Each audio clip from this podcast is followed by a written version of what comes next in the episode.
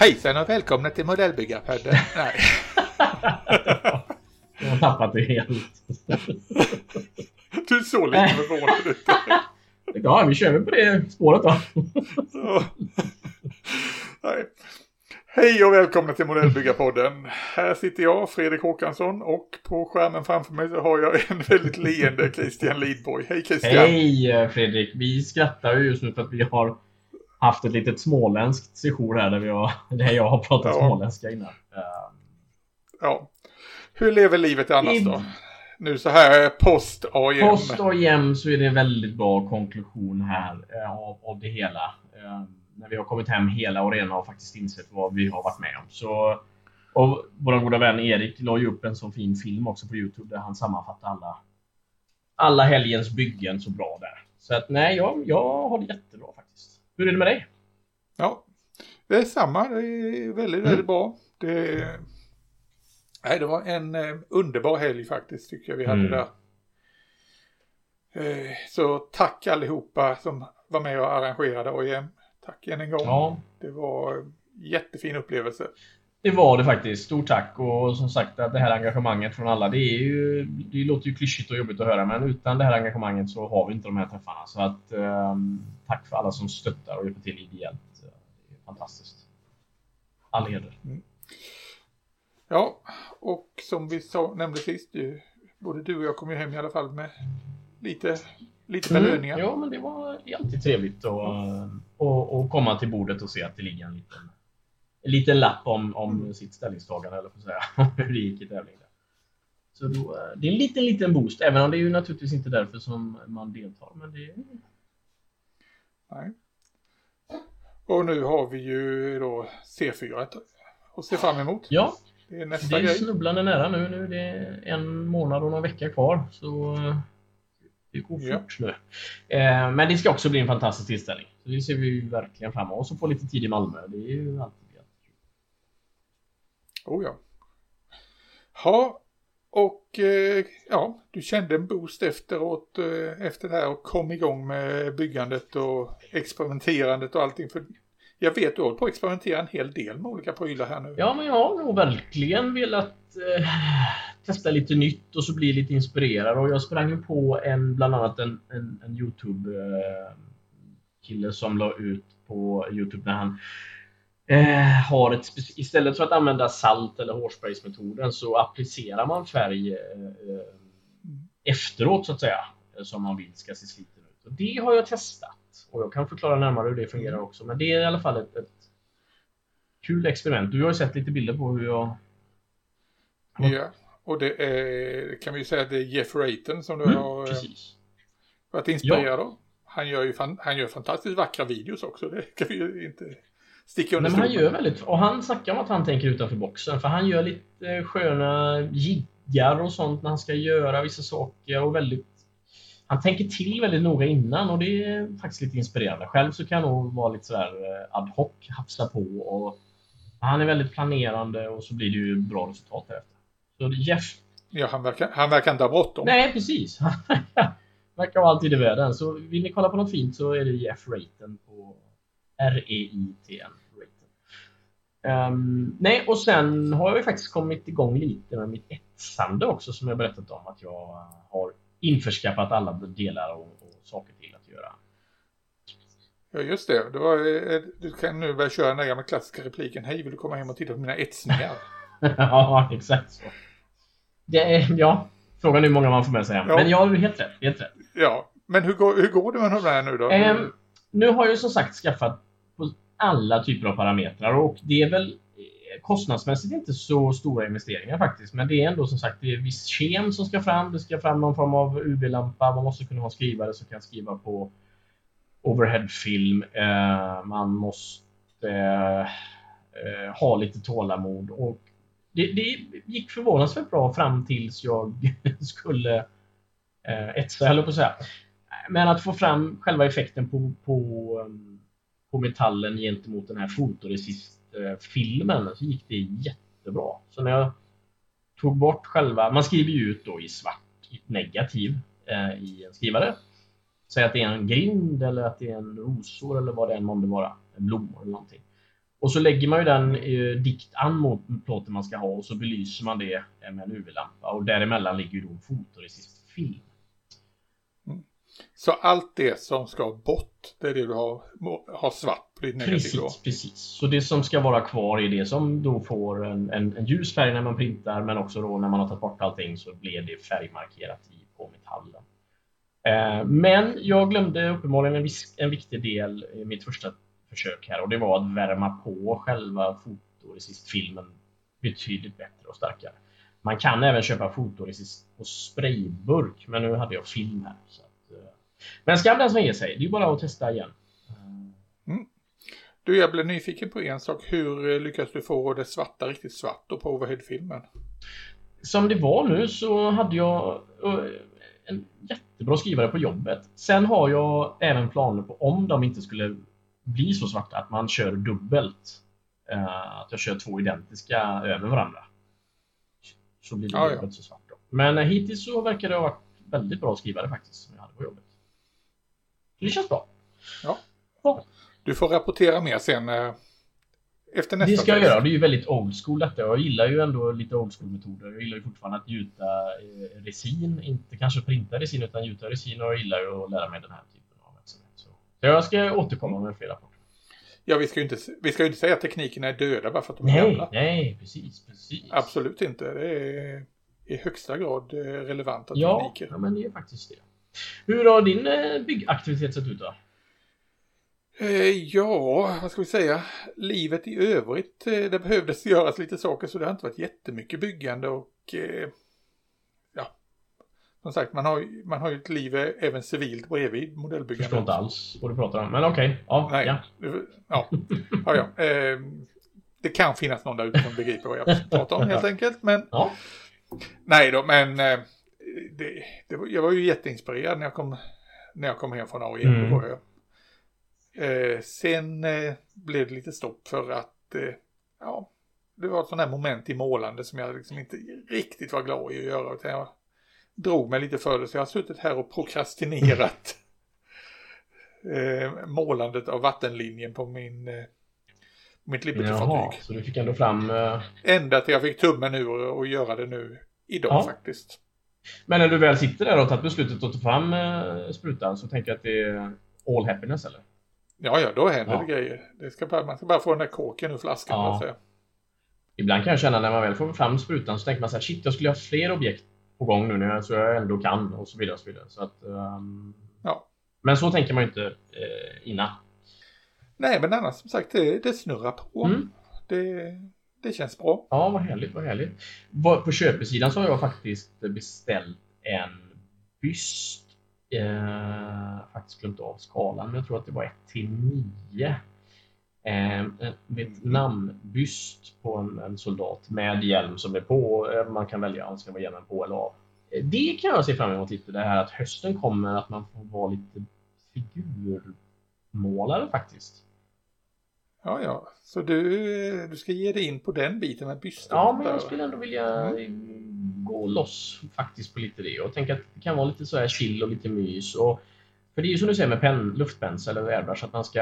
Det är ett litet knök och bök. Och, men en mm. vanlig heder. Jag har till och med faktiskt beställt uh, jag vet inte, mårdhårdspenslar och det kanske alla har köpt mig i hela sitt liv men jag har generellt sett köpt mig syntetiska saker. Så jag vet inte om det blir bättre eller sämre. Men Eh, jo, alltså vad ska jag säga om mårdhålspenslar? Penslar är en hel vetenskap mm. i sig. Men ja, mårdhålspenslar, de, den tar upp färgen, håller formen på ett helt annat sätt om man sköter penseln. Mm. Okay. Alltså har du en Kolinsky-pensel, det, Kolinsky, det är alltså speciellt mårddjur. Jaha, okej. Okay, okay. Väldigt, väldigt fina ja. hår från de här eh, mårdarna eller hermeliner eller vad fasen det är för någonting.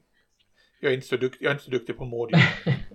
Men jag såg prismässigt Men eh, så... det, det, är extre, det, är extremt, eh, det är extremt dyra ja. penslar. Hög klass mm. på dem. Och ja, sköter man om dem så håller de jättefina spetsar och ja. så vidare. Och se, men det är ju hela tiden det här att ta hand om sina prylar. Ja, Och eh, där lärde jag mig en sak faktiskt för ett tag sedan som jag inte har tänkt så mycket Mm. på. Och det är ju det att eh, jag har väl alltid förvarat mina penslar fel. mm, okej. Jag har förvarat dem, jag har förvarat dem med spetsen uppåt. Vilket ju är fel av två skäl. För det första så kommer vatten och skit ner i själva penselskaftet. Ja, just det. Det är en poäng. Om det finns några rester Ja. där så kommer de ner och kloggar igen där och det kan ju få, när det torkar till och med då, penseln att börja spreta och separera. Mm. Du vet man får den här penseln som helt plötsligt börjar dras från vikas ut åt sidan. Ja. Och den andra grejen är att spetsen kan böja sig mycket lättare. Av, av Alla spetsar böjer sig grav, småningom. Gravitet... så som en liten, liten krok. En liten krok Ja, ut. Så tricket ska tydligen vara att ha dem hängande vertikalt med spetsen nedåt. Mhm. Det finns inte så många anordningar som är anpassade till det bara. Hur... Nej, men vi har ju den klassiska grejen, du vet med en spiralfjäder över någon eh, burk. Jag vill komma ihåg det fanns i, i bildsalen man gick i Mm. skolan. Man skulle sätta penslar och sen hänga dem och torka. Ja, just det. Ja, men det är väl i och för sig en poäng att kanske göra ett litet hål i dem längst upp alternativt något annat och så hänga dem. Det är väl ingen... Mm. Nej, men eh, ett annat tips jag fick där det var ju att använda en sån här eh, eh, sån här eh, skumgummirör som man, vet man har när man badar. Ja, just det. Ja, såna här Ja, slangar. ja. De är ju, och så skär man upp den och eh, sätter den om bordskanten och så snittar helt enkelt vertikalt i den så du kan bara Tryck in trycka Ja, det var fiffigt. Det var ju väldigt fiffigt. Jag tänkte, jag tänkte man kunde använda krokodilklämmor också, kanske längst upp på skaftet och sätta fast dem också. Ja, nej, det här var ju mm, spännande. Det var ju ett Ja. litet sidospår. Nåväl, det, det var en liten Ja, utvikning. verkligen, verkligen. Men Vad jag tänkte också när vi ändå är inne på penslar, den här, det är ju väldigt populärt att sätta att folk använder någon sån här rengörings... Någon, det ser ut som en, en gammal fettburk som man hade till kängorna. Eh, Mm. Men så är det något annat i, någon tvålaktigt. Jag vet inte, är det...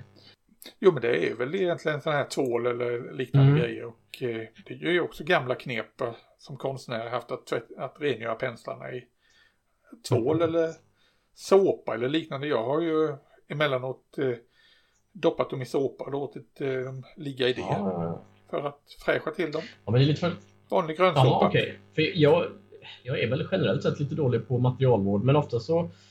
När man tänker... Välkommen till klubben. Ja, men för när man har använt eh, vattenbaserad akryl och så bara sköljer man ju av penseln och så lägger man den åt sidan. Eller, Mm. Så är man ju nöjd sen. Men man, det är klart att det är ett av våra viktigaste redskap. Så att jag, nej, jag kanske får börja behandla dem med mer respekt här framöver. Ja, det är väl sådana som kommer med åldern också. Att vi börjar behandla saker med respekt. oh. Vi börjar, vi, börjar, vi börjar tycka om ett så vi börjar eh, vårda våra Ja, redskap. precis. och, ja. Vi börjar bygga fartyg och annat sånt där. Ja. Grattis Christian, du börjar bli, Jag bli blir, jag äldre. blir, gå in på livets slutskede, jag blir gubbe. Ja. Nu är det kört. Ja. Men du, eh, förlåt jag sabbade ju faktiskt eh, vad ska jag säga, din, eh, din väldigt snygga övergång egentligen till dagens eh, lilla ämne eller Mm. intervju. För eh, du börjar prata Just så. figurmålning Precis. och även då airbrush. Vi ska gå tillbaka till eh, egentligen jag, ett minne som jag har av den första plastmodellen som dök upp i mitt liv. Ooh. Året var 1940. Nej, Ja. Ja, Mm. typ det. Nu tar vi Hans Villius-köret här rakt av. Nej, men eh, jag var väl alltså en fyra fem år gammal när min farsa byggde den första plastmodellen Mhm. åt mig. Och det var Frankensteins monster. Den gamla Aurora-modellen. Du har sett ja, den någon gång va? yes, yes. Alla har sett den. Den har ju getts ut i hur många omgångar som helst. Av, först var det Aurora och så har det varit eh, monogram och det har varit Polar Light och det har varit alla möjliga tror jag som har gett Ja. ut den där. Och den kom väl eh, 63 eller något Ja, här för mig var. Men det var som sagt i precis början på 70-talet. Och jag har faktiskt den fortfarande kvar, den där modellen som farsan byggde och målade. Nu var han ju inte världens duktigaste modellbyggare och eh, inte så duktig på att måla. Han bygg- målade med humbolfärger. Men... Ja, nej men det är ett fint Ja, verkligen, verkligen. Och varför säger jag då detta? Jo, därför att detta är avstampet till vårt ämne Mm. idag. Eller vår intervju. För det började tror jag nu när vi var på 08 Open. Så kom jag att prata med en riktigt duktig figurmålare. Fick, Mm. Lars, Lars Mm. Crawford. Och Lars har varit med länge. Och hans grej, ja det har ju skiftat genom åren, men hans grej är stora figurer. Och då pratar vi de här Aurora-figurerna och större. Ja. Och, och, han har ju gått med lite under radarn måste jag säga, men eh, nu ska vi lyssna på intervju, men väldigt kompetent figurmålare. Verkligen alltså. Oh ja, en riktig ja. mästare. Så eh, ja, det är väl bara att dra igång Det tycker jag att vi gör. Så får vi ta och eh, summera upp det hela mm. sen efteråt. Men rulla bandet.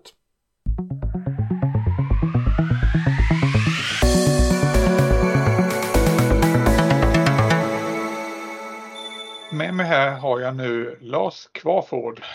Välkommen till Modellbyggarpodden Lars. Tackar, tackar. Ja, och vem är du för de som inte känner igen ditt namn? De som inte har varit med i hobbyn så länge, jag på att säga. Ja, eh, jo, eh, jag är väl en, en eh, snart 60-årig snubbe från Linköping då, nära anslutning till Flygvapenmuseet och IPMS-arna här. Eh, jag kallar mig väl själv ofta som blandmissbrukare men jag målar huvudsakligen eller ganska mycket och mest figurer. Eh, mm. och, och, det är väl både fantasy och eh, även då verklighetsbaserat. Va?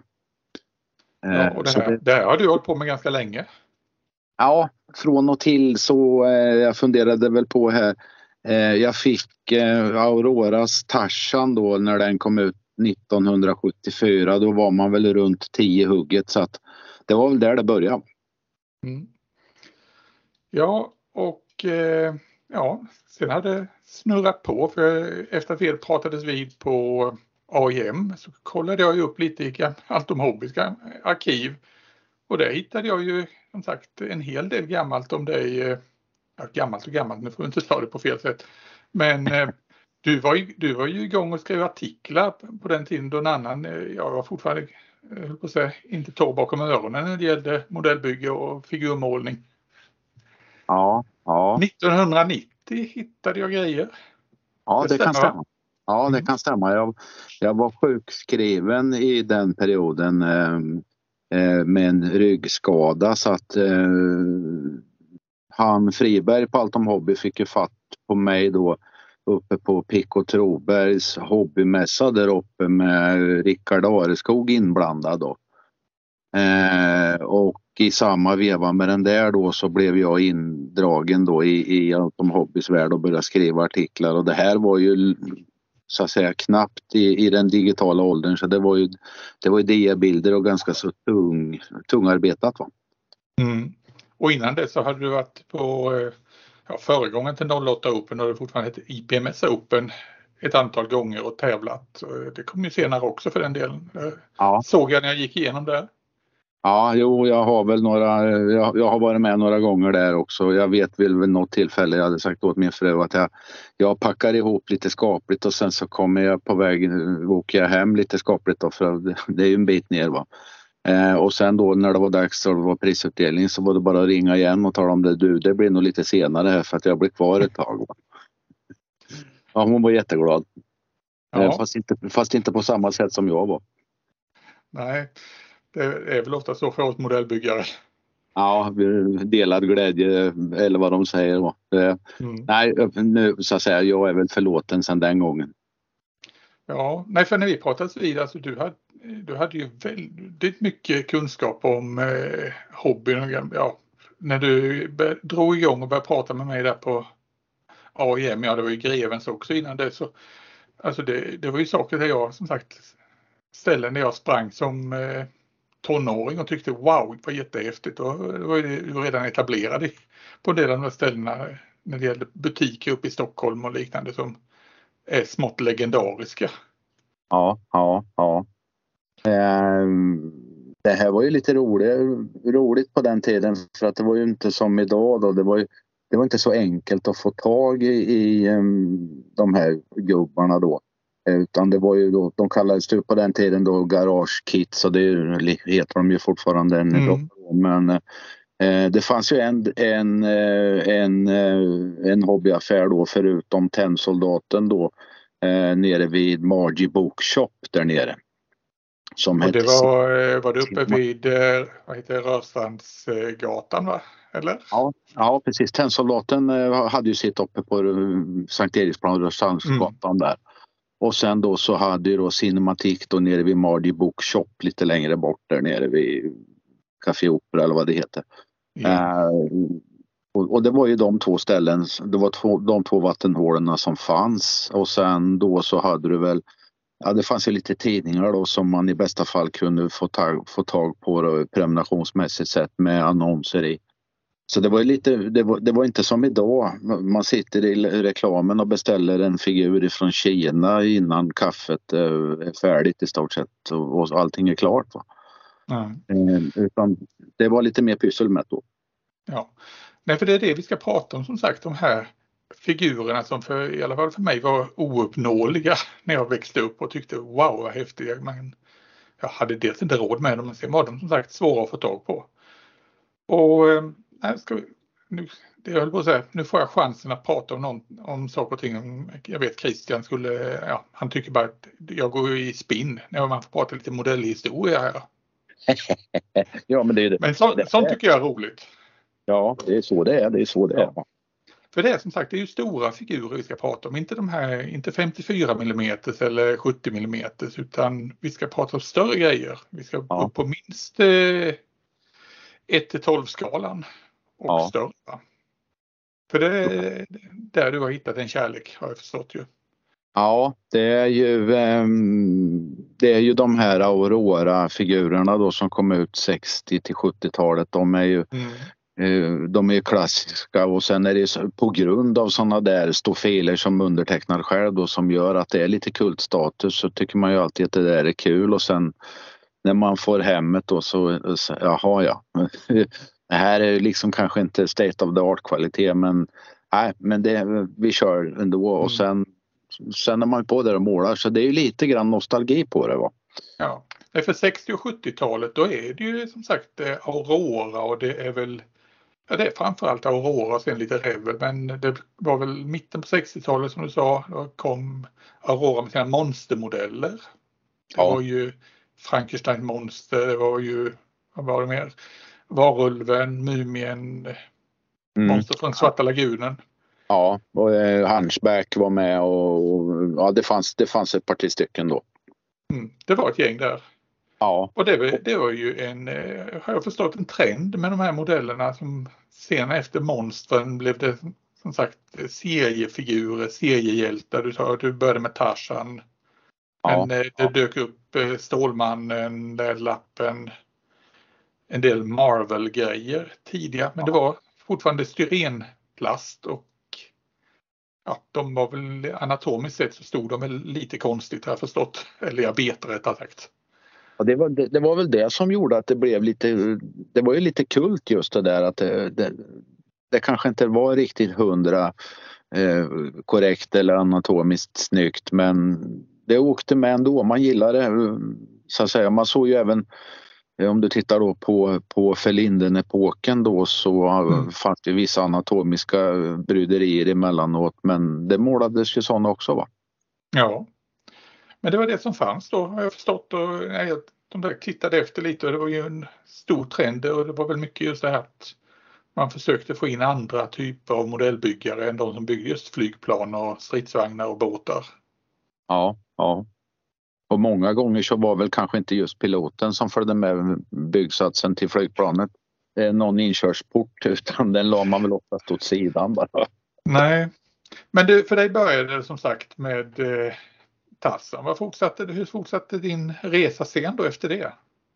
Ja, sen så började man ju klippa gräs och tvätta bilar och såna här saker då, så att man fick möjligheter att kunna handla en och annan sån här eh, figur då. Så det gällde ju då att vara prydligt skötsam när man var i, i, i den yngre åldern då ända fram till att man själv kommer upp då så pass att man kunde börja och tjäna sitt eget uppehälle och då var det mycket lättare.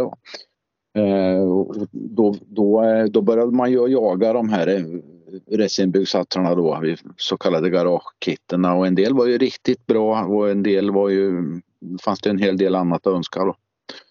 Eh, så man fick ju lära sig hur spacklet fungerar och milliputtens vän och sen har man ju då alltid den här green stuff. Det är ju en dag i veckan också.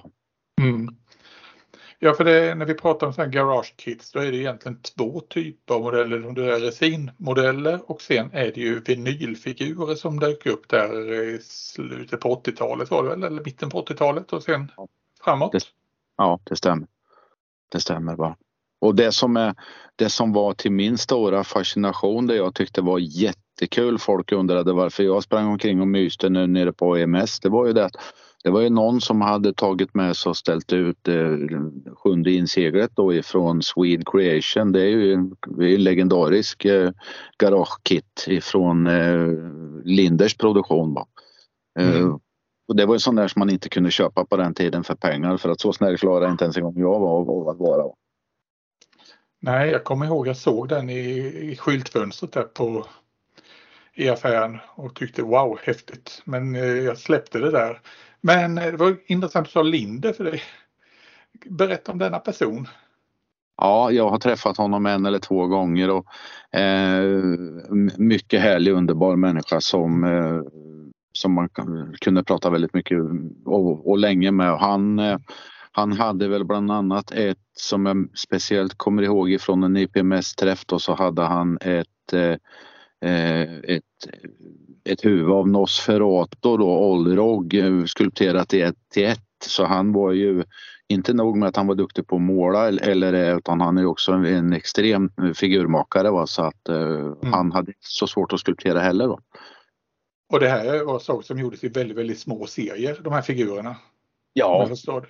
Ja, och, och, och, därav då så blev de ju nästan kultstämplade då så att eh, jag kunde inte köpa den där sjunde inseglet men jag blev så paff nu när jag fick se den. Eh, och det är alltså som du berättade för mig, det är Anders Lindes son vi pratar ja. om här nu. Ja. Kapten Zoom, Kapten Zoom för er som är, ja, är lite yngre. Ja precis, ja precis, precis. Va? Så att det, och, och, så vitt jag vet nu så är han väl, han är väl eller har varit verksam som, eh, som dockmakare då som det så fint heter då inom filmindustrin. Va? Mm. Så eh, mycket talangfull men mycket trevlig kille att prata med. Va? Mm. Så hela den här marknaden, eller ja, det var alltså små, som det, som det heter, garage, garagefirmor, alltså entusiaster som satt och gjorde ja. figurer.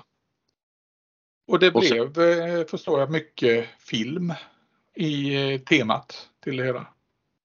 Ja, det, det är ju genomgående fantasy och, och, även film då så att det är mycket sånt där som dyker ut. Och, eh, det hade ju då varit populärt att göra de här Batman-figurerna då med Batwoman och, och Robin och, och hela grabbar, grabbarna då som kommer in då på, på vinylsidan och sen mm det ju in lite andra saker då. Du har vampyrerna ifrån Bram Stokers Dracula-film. Det producerades ju rätt så mycket av. Ja, jag kommer ihåg också eh, de här Xenobites från Hellraiser var väl några figurer som gavs ut. Var det, ja.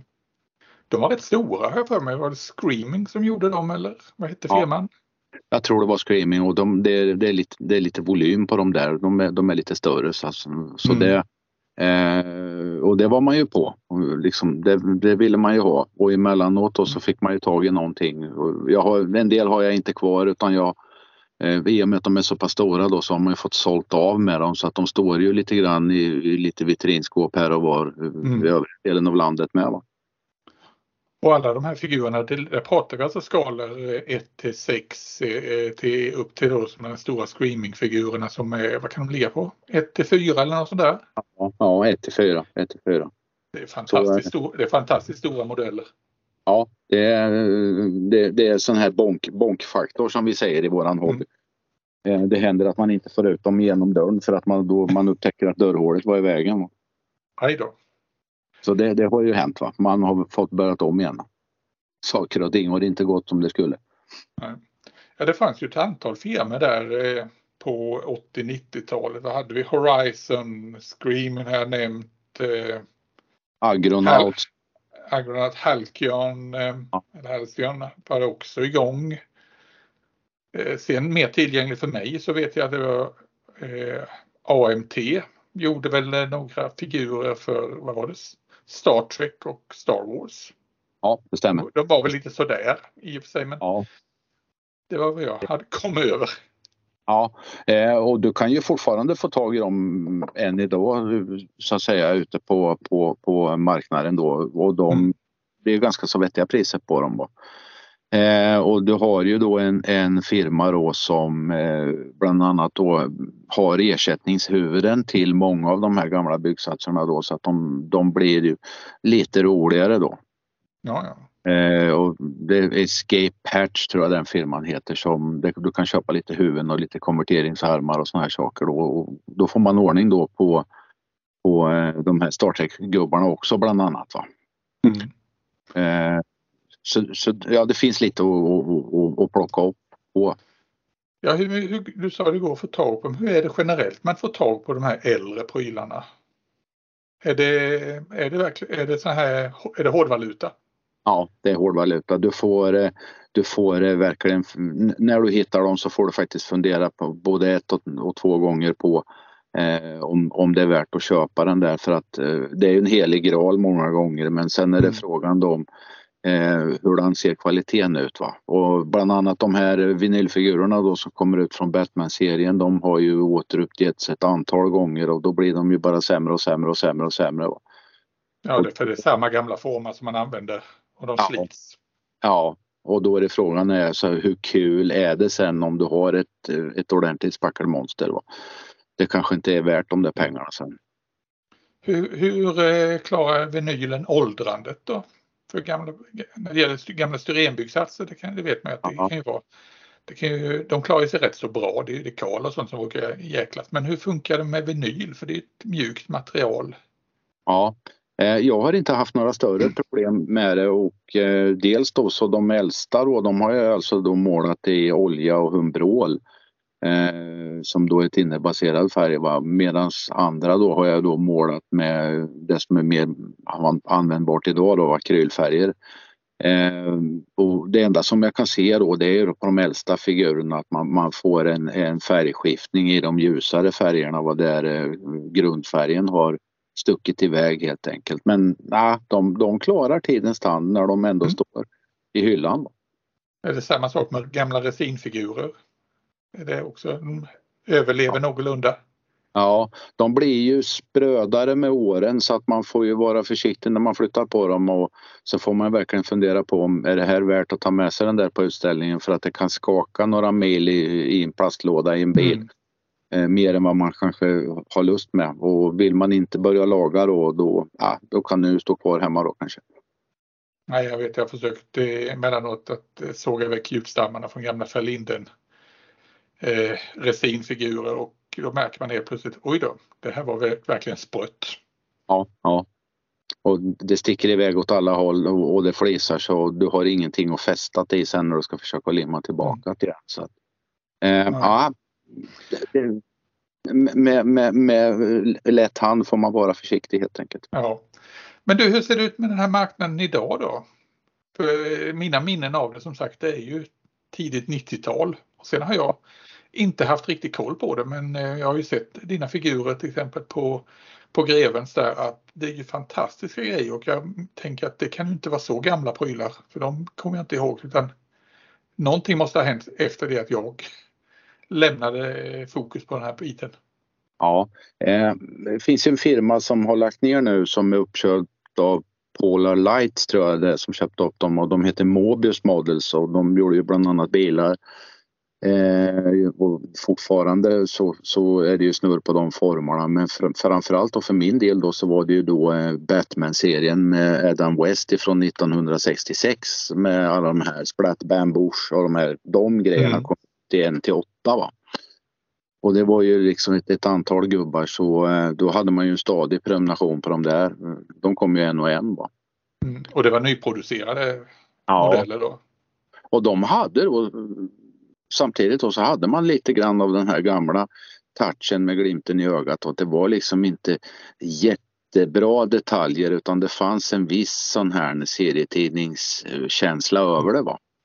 Det var alltså Auroras anda över det menar du? Ja, li, lite så och det där passade ju mig eh, ganska så eh, förträffligt för att då kunde man ju då jobba mera då med med airbrushen då och inte ge sig in allt för mycket på detaljnivå då utan man gör en, så att säga, en, en snygg helhet av det.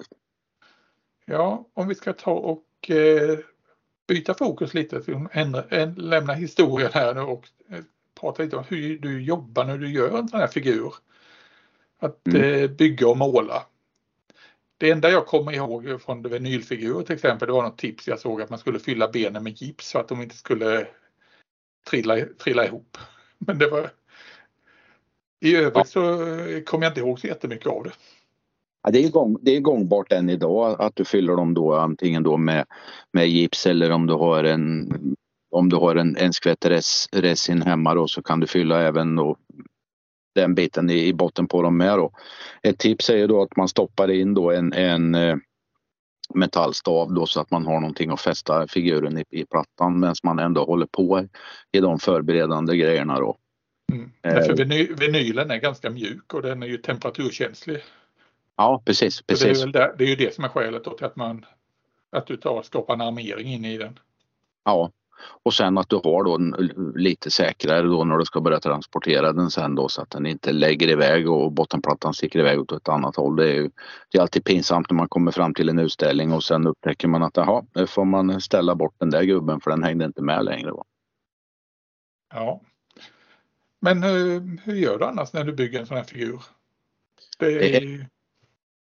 Det är väl ungefär samma som det är med de mindre figurerna då. Man, eh, man kollar igenom och ser så att man, man, hur mycket grejer kan jag plocka på gubben utan att jag försätter mig i den här situationen att jag inte kan få in penseln eh, för att en arm är i vägen eller färgsprutan då kommer jag att lacka armen ovanför i sådana fall eh, istället för att komma åt då det som är runt kroppen. Eh, och då får jag då i sådana fall fixa det då genom att lämna armen kvar och sen så får jag lämna då en ren skarv som jag så sen får plocka dit i efterhand och sen försöka retuschera tillbaka. Va? Mm. Vad limmar du framförallt med för, för någonting? Är det CA-lim eller är det epoxy eller? Det är väl mest CA-lim av den lite segare hållet då. Men annars då tittar man då på plastfigurerna här då så är det ju Tamayas snabbflytande och det fungerar mm. jättebra då. Eh, trycker du och klämmer lite grann på det med så får du upp, oftast upp lite uppsmält plast så att du har någonting att, att slipa i fogarna då samtidigt. Eh, för att täcka när du, när du ändå kommer på, på, på den biten sen. Va? Mm. Och sen är det då mindre skavanker, ja då är det Valechos enkomponentsbackar, då är det större grejer då som måste ordnas då så är det ju eh, Milliput eller eh, Greenstuff då i det här fallet. Va? Ja. Du pratade ju innan, nämnde innan att det fanns ersättningshuvud. Är det, är det mycket sådana här extra detaljer som kommer till efteråt när någon har producerat en modell? Ja, då kan vi, här är någon som har producerat ett bättre bälte till Batman och här är någon som har gjort det. Eller, ja, hur funkar det? Ja, nej, som tur, som tur är så är, är, det ju är det ganska så sparsamt så att du kan hitta lite såna här eh, utbyteshuvuden då till, till de här äldre, äldre gubbarna. Va? Eh, det kan du alltså få fram. Men eh, det är ju inte som inom flygplansmodell där man många gånger funderar på behöver jag verkligen ha det här eller är det bara fabrikanten som är intresserad av att kränga det här?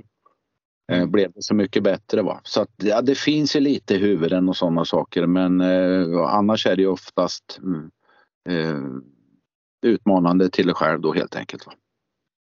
Ja, för sen kommer som sagt efter spacklande, slipande och allt det så kommer ju till målandet och det är, det är där du är magiker mer eller mindre. Ja, ja tack, tack.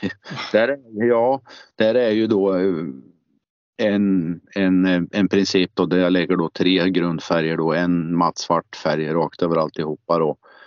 Eh, och sen därefter då en, en skiffergrå färg och avslutningsvis då en vit färg och med den vita färgen då så bestämmer jag då själv var någonstans högdagrarna ska vara, de ljuspunkterna och då får jag ju skuggor i den svarta färgen automatiskt. Va?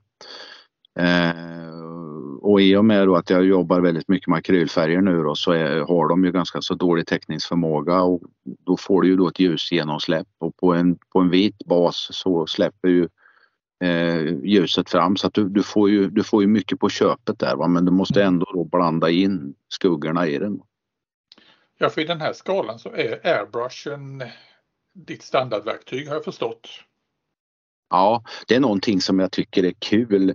Eh, färgsprutan finns alltid på plats och liksom, det är oftast det som jag tar. Jag kan lika gärna använda pensel. Jag har gjort det under många år men just för tillfället de senare eh, gubbarna då så har det varit mycket färgspruta och ju större gubben blir så desto smidigare blir det många gånger med färgsprutan med. Va? Du får ju lite mera maskeringsjobb men det brukar du lösa då med häftmassa då, eller gladpack och en liten tejpbit eller något sånt där. Mm. Hur brukar du hantera färgen? För oftast, det, ja, min erfarenhet när jag tänker tillbaka, då var det ju det att oj då, här var väldigt svårt att få den att täcka. Mm. Det, men det, det har jag förstått lite nu när du resonerar här, det här med att utnyttja transparensen istället, att det var ett feltänk av mig på den tiden.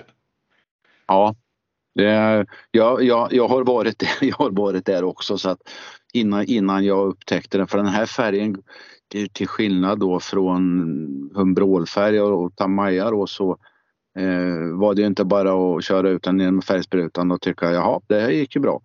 Eh, för att det gjorde det ju inte alls utan då fick man ju helt plötsligt börja fundera på vad är det för fel på färgen eller är det fel på mig?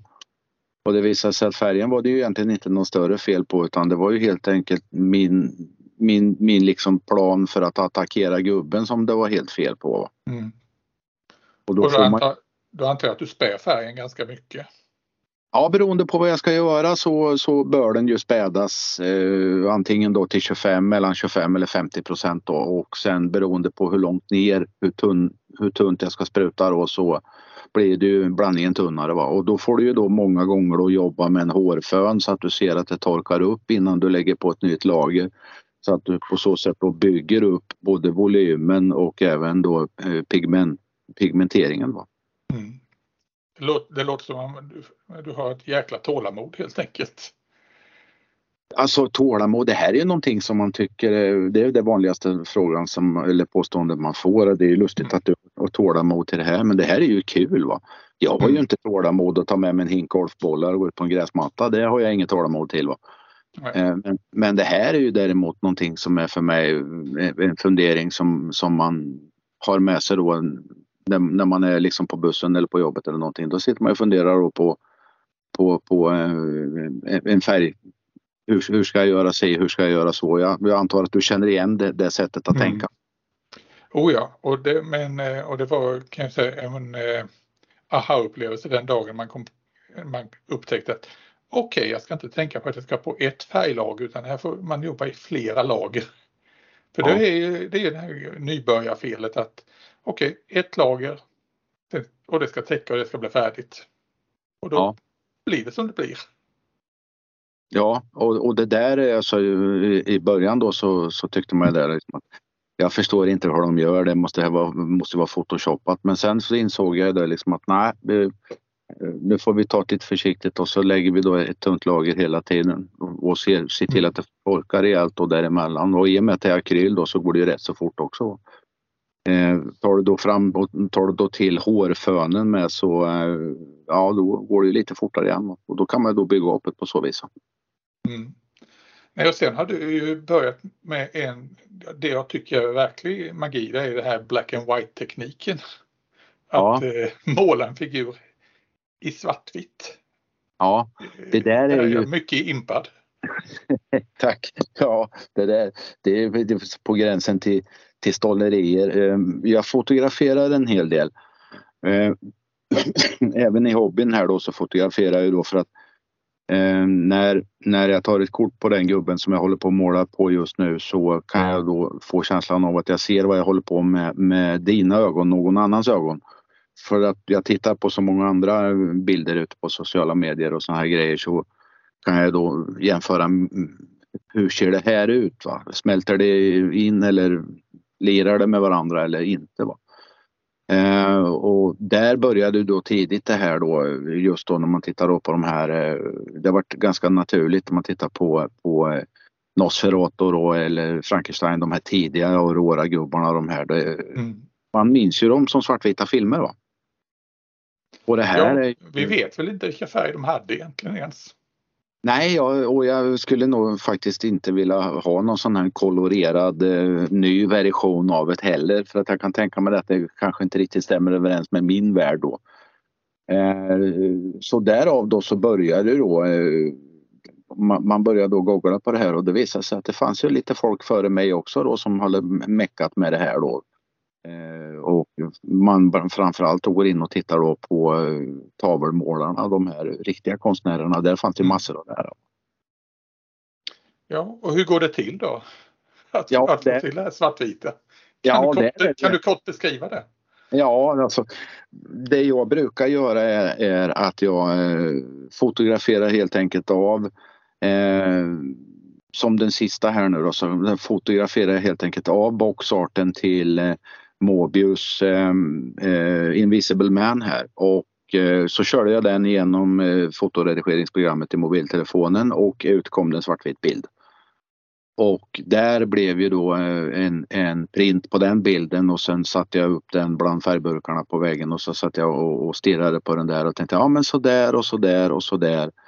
Och så, så var det då till att börja leta bland färgburkarna för att få fram alla svarta och alla grå och alla sepiga bruna nyanser som jag kunde få fram. Va?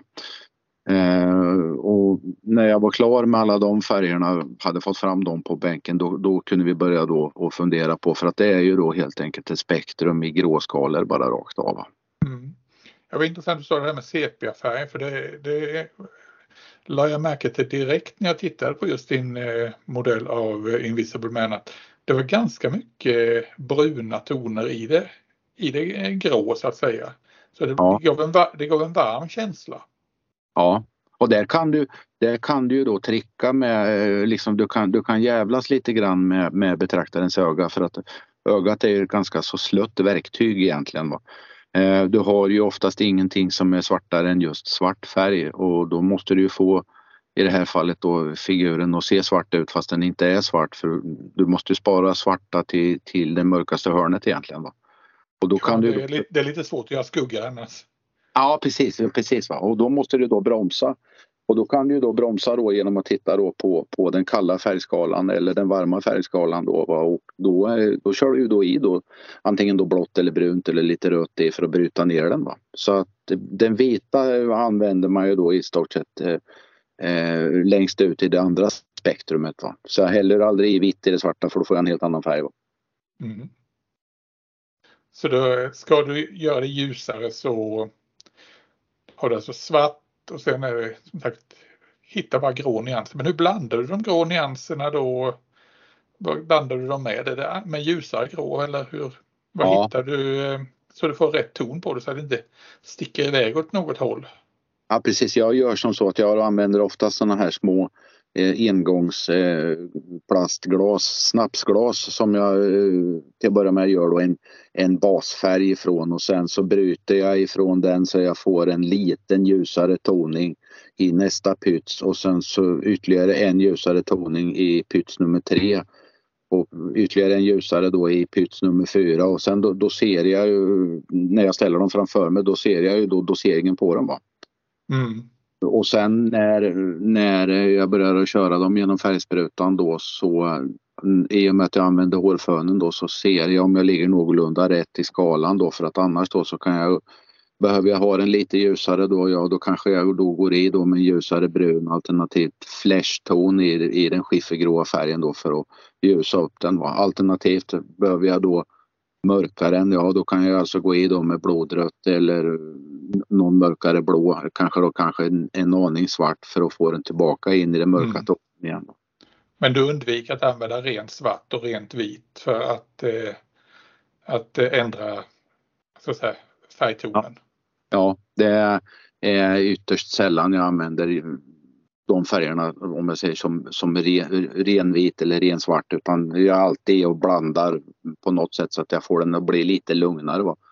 För mm. att i slutändan så måste det ju harmonisera för att eh, betraktarens öga måste ju njuta av det man, det man tittar på för att du, du får ju då en liten triangel då där oftast i, i en figur så har du då som en liten triangel eller en pyramid då som du vill få fokuset på när du tittar. Va? Och då måste du harmonisera för att gör det inte det då, då tittar du på någon annan modell ganska så snart ute på, eh, på modellborden där. Ja, spännande. Det, ja, det, jag är sugen på att få testa det här vid något tillfälle så ja, rätt för det så sitter jag där och, eller då hör jag mig till och frågar hur fasen var det nu igen det skulle gå till. Ja, vi får göra som så att vi får, vi får väl ta en liten, eh, vi hade en liten kurs här med, med en, en kompis. Före coronan så hade han problem just med det här med att eh, han jagade minutliter i färgsprutan då. Eh, och eh, då sa vi det då att i samma veva med att Grevens har sin utställning så kom ner då någon dag tidigare då så kör vi en liten airbrush skola så du får vara med om. Men sen då så blev det lite corona och lite annat på dagordningen då men till den här sommaren då så innan greven så, så var han faktiskt nere då så att vi, vi, var uppe, vi var uppe sent den natten och lackerade. Han hade med sig färgspruta, kompressor och figur och alltihopa så det enda jag behövde stå för det var färg och kaffe. Ja. Du, eh, vad använder du för spruta? Fråga tekniknörden här. Ja precis, precis. Jag är sådär så att jag är jag passerar ju Biltema varje dag när jag åker förbi jobbet så jag har faktiskt deras billigaste spruta då för 399 kronor och sen i skrivbordslådan då så ligger det då en Evolution men den tycker jag inte ligger så pass bra i handen som Biltema-sprutan gör. Okej. Okay. Utan eh, det är alltså en vanlig Biltema-spruta som jag har polerat upp nålen så att den är den är lite blankare då och så släpper den ju igenom då lite bättre färg då så att säga. Mm. Så den är lite trimmad kan man säga. Ja, men vad kör du annars för inställningar på kompressorn? Vad har du för, vad har du för arbetstryck på den? Jag ligger ganska så lågt barmässigt runt ja, strax över 1, mellan 1, 1 och 75 kanske. Eh, ganska så litet då för det är många gånger då så är det jag jobbar på väldigt små ytor och sällan på de stora ytorna då. Eh, och då är det ju liksom detaljarbete med färgsprutan. Va? Så det, mm. kompressorn får gå väldigt långsamt så att säga. Den, den bygger inte mycket tryck då. Va? Nej. Och så ganska tunn färg också. Ja. Har du i sådana här eh, retarder, fördröjare och flow improvers och sådana där saker också eller kör du bara rakt av? Många gånger så kör jag Eh, där jag bor här nu så har vi lite hårdare vatten vilket gör att, att eh, Vallejo bland annat inte riktigt lirar med, med vårat kranvatten så då brukar jag köpa ett, ett raffinerat vatten i, i, i affären istället då. Mm. Eh, och den fungerar rätt så bra om jag slår i lite alkohol i, i vattnet och sen så har jag då eh, även lite, lite golvpolish är den då i den här gamla Pledge eller Future eller vad den nu heter. De byter namn på de där flaskorna hela tiden. Eh, Okej. Okay. Då, har du, då, får du, då får du lite mera bindningsmedel till färgen helt enkelt. Det flyter på. Ja, ja, okej. Okay. Citadel har ju även någon sån här eh, konstig burk med något genomskinligt i som egentligen inte är mer än eh, också ett färdmedel för, för pigmenten att, att ta med sig i. Liksom ut så att du kan borsa bättre. Va? Men och det är egentligen bara vatten och eh, golvpolish. Eh, ja. Så det, det, är väl de enda hemligheterna som, som, eh, som finns egentligen. Va? Ja, jag sitter, här och, jag sitter här och ler just nu för att jag tänker att ja, det, det är inte den verktygen och de dyra prylarna som avgör utan det är, det är skickligheten med ja. verktygen. Nej, nej, utan det, alltså, det är ju, alltså, jag dissar inte de dyrare färgsprutorna, mm. inte, inte alls utan jag eh, jag kör med den som jag har närmst eh, och den fungerar mm. precis lika bra som evolutionssprutorna. Va? Men som, det var någon som sa, någon, någon eh, riktigt duktig modellbyggare som sa det att det är ju ingen som pratar om da Vincis penslar eller vilken färg han använde om. De pratar om vad han gjorde istället. Va? Mm. Eh, och jag, jag gillar kanske lite grann det där uttrycket. Va? Däremot då så på penslarna och sådana här saker så köper du billigare hobbypenslar då så eh, tenderar de ju till att inte hålla lika lång tid så att du får köpa, du får köpa nya betydligt fortare och så. Där är det vettigare att ha lite bättre kvalitet. Va? Ja, men det förutsätter man också disciplin och sköta om dem höll jag på att säga. För det, ja, precis. Jag har nog, jag har nog sabbat ett antal eh, fina mårdhårspenslar genom åren. Och sen nu då när man ser då som det är idag så, så kan det ju vara veritabelt stort problem helt plötsligt att få tag i en ny pensel eftersom de, många butiker då inte riktigt hänger med i coronatider och såna här saker. Det sticker iväg för dem, de kan inte ha sin verksamhet kvar. Va? Då är det ju postorderverksamhet. Mm. Och vill jag ha en pensel med mig hem idag så ja, det är inte säkert att Kina hinner att leverera eller Nya Zeeland eller Amerika. Va? Nej. Ja, du, eh, nu har vi pratat på en bra stund här. Eh, ja. Slutligen, vad ligger på byggbordet nu för dig? Oj, oj, oj, oj, oj. Hörde du, eh, det är bland annat den här eh, Vampirella från X Plus. Ett mm. nytt fabrikat, eh, 1 till 8. Eh, hon är väl kanske inte i PK avdelningen politiskt korrekt klädd men... Eh, mycket, mycket, mycket hud alltså? Mycket hud är det på den ja. Och sen då det vi, vi så att säga tidigare har benämnt då bland annat då så håller jag på med eh, Brandon Lee härifrån eh, den här eh, skräckthrillerfilmen från 94, The Crow. Eh, det är en lite större sak då så han mäter ungefär en 56 centimeter hög här han står på korset. Och det är ju alltså en, en print i det här fallet. Va? Ja. Så det är väl det jag har på bordet för tillfället. Ja, hoppas vi får se de här grejerna snart. Och eh, ja, sista frågan. Om någon blir nyfiken på att få se dina grejer, var hittar man dem? Har du dem liggande på nätet någonstans? Ja, det finns två stycken Instagramsidor då. En gammal Instagramsida som heter Kvarresgubbar. Eh, inte lätt att stava till det kanske. Och eh, sen har du då Scale Dreams from my bench. Och där hittar du då även blandmissbruk då i form av lite flygplan och en och annan bil och sådana här saker. Men eh, det dyker även upp då väldigt mycket figurer där. Mm. Trevligt. Då hoppas vi att eh, alla går in och tittar på dina och beundrar dina prylar där. Ja, det, det, det, kan vara kul om det är så att de gör. Så, antingen då så hör de av sig så att jag får lära mig någonting nytt eller något sånt där. Det är alltid kul. Ja. Och så hoppas jag att vi får ses i IRL snart igen. Ja men absolut, absolut. Och denna gång, nästa gång då så eh, när vi ändå har berört elefanten i rummet så får jag se till att anmäla mig så att det, man, man kommer på utställningsbordet också. Ja, det hoppas jag verkligen. Ja, precis. Ja, men tack för den här intervjun då. Ja, tack, tack.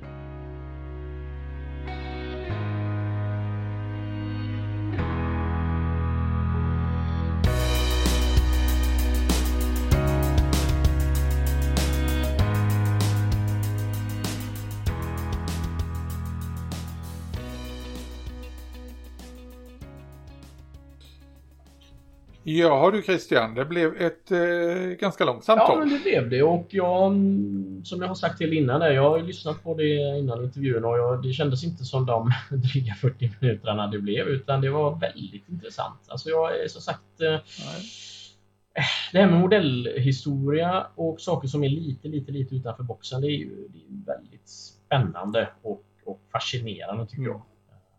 Och du, det ligger ju dig kanske lite närmare i minnesmässigt och närmare i hjärtat också. Men eh, nej, det var väldigt intressant. Ja, du hörde jag, jag kom i självsvängning ja, några gånger. Absolut. Och jag kan säga, jag kan säga också att eh, efter att jag hade slagit av inspelningen så fortsatte jag och Lars att snacka ytterligare en halvtimme. Mm. Så vi hade väldigt mycket att prata om. Ja, men det kan jag tänka mig. Så vi lär väl återkomma till Lars framöver, ja. hoppas jag. Nej, men jag kan tänka mig att ni har väldigt mycket eh, gemensamma intressen kring, kring detta. Och som sagt, mm. han, han skapar absolut ett stort intresse för mig också. Att, eh, och, och jag har ju kollat in hans uh, Insta-sida där och väldigt duktig. Sen, sen, har jag inte sett de här svartvita grejerna som du pratade om där riktigt. De här sepia... Nej, men tekniken ja, känner du igen? Ja, det gör jag. Jag har bara inte sett några av hans verk, så det får jag faktiskt hugga tag i. Ja, du får kolla lite mm. grann. Nej, men det är mycket intressant teknik och eh, det hade varit kul att lära mm. sig den. Precis. Absolut.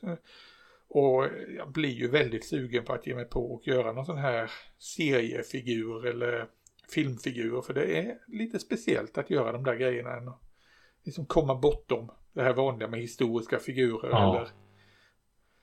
eller eh, militära figurer och liknande att göra en stor, eh, ja, Spiderman eller Batman eller något sånt där i lite rejäl skala. Ja, men, ja. Det, det jag, eh, som jag tänkte på när ni pratade var ju att han pratade också om det här att komma över gamla och åtråvärda kit. Liksom. Och då, då kände jag, bygger man dem då? Eller är det mer att man vill ha ett samlarobjekt liksom? Men på han lät det som att han tyckte att det var kul att bygga dem. Ja, eh, jag på säga, nu är vi inne på den här saken som kan vara en riktig vattendelare. Mm. Är man samlare eller modellbyggare? Precis, för du har ju, du har ju ett stort samlingsbehov också. Att du, och sen med det sagt så behöver det inte betyda att du inte ja. någon gång kan tänka dig bygga någon av de sakerna du samlar på. Men... Nej, absolut. Jag är beredd att bygga vilken som helst av mina samlade mm. modeller om de bara håller tillräckligt hög ja. klass. Och jag känner för att bygga den. Ja, precis. Så det, det drar jag mig inte Nej. Och sen som du säger med hög klass.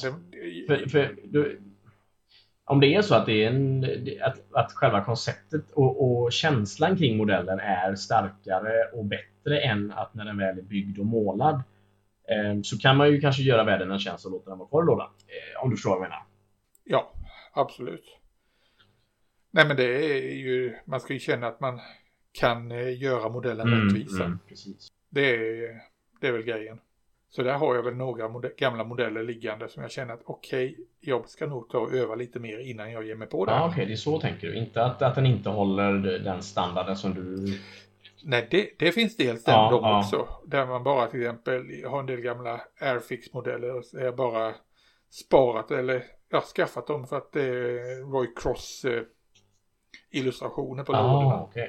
Men så är det inte så bra kvalitet på grejerna inuti då?